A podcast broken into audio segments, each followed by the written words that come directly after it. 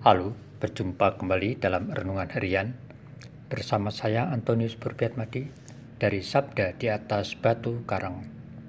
Saudara-saudari yang terkasih, hari ini Kamis tanggal 16 Juni adalah hari biasa pekan ke-11.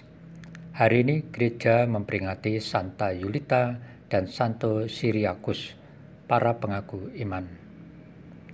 Renungan kita hari ini terinspirasi dari bacaan kitab suci. Bacaan pertama diambil dari kitab Sirah pasal 48 ayat 1 sampai dengan 14 dan bacaan Injil suci dari Injil Matius pasal 6 ayat 7 sampai dengan 15. Mari kita siapkan hati kita untuk mendengarkan sabda Tuhan yang akan dibacakan oleh saudari Monica Rosa dari Paroki Kristus Raja Katedral Keuskupan Tanjung Karang.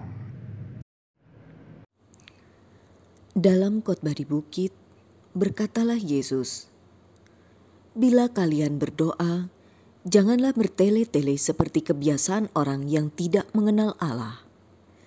Mereka menyangka doanya akan dikabulkan karena banyaknya kata-kata. Jadi, janganlah kalian seperti mereka, karena Bapamu tahu apa yang kalian perlukan sebelum kalian meminta kepadanya. Maka berdoalah kalian demikian. Bapa kami yang ada di surga, dimuliakanlah namamu. Datanglah kerajaanmu, jadilah kehendakmu di atas bumi seperti di surga.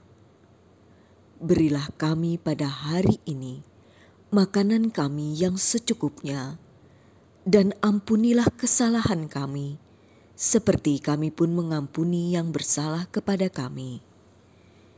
Dan janganlah membawa kami ke dalam pencobaan, tetapi bebaskanlah kami dari yang jahat. Amin. Karena jikalau kalian mengampuni kesalahan orang, Bapamu yang di surga akan mengampuni kalian pula. Tetapi jikalau kalian tidak mengampuni orang, Bapamu pun tidak akan mengampuni kesalahanmu. Demikianlah sabda Tuhan. Terpujilah Kristus. Saudara-saudari yang terkasih, kalau kita diminta untuk memimpin doa, sering kali menolak. Alasannya kita tidak mampu mengungkapkan dengan kata-kata atau kalimat yang baik. Kalaupun ada yang bersedia memimpin doa, sering kali dijumpai kalimatnya bertele-tele sehingga tidak jelas arah doanya. Sementara itu, di saat kita mengalami kesulitan atau ada kebutuhan khusus, maka kita sangat intens dalam berdoa, misalnya doa rosario atau novena. Begitulah watak atau tabiat kita. Berdoa itu susah-susah gampang. Berdoa memang harus kita biasakan. Saudara-saudari yang terkasih, dalam bacaan Injil pada hari ini Yesus mengajar para muridnya tentang berdoa. Dikatakan oleh Yesus bahwa kalau berdoa, hendaklah di tempat yang tidak terlihat banyak orang. Ungkapkan harapan atau doa dengan sederhana. Tidak usah bertele-tele.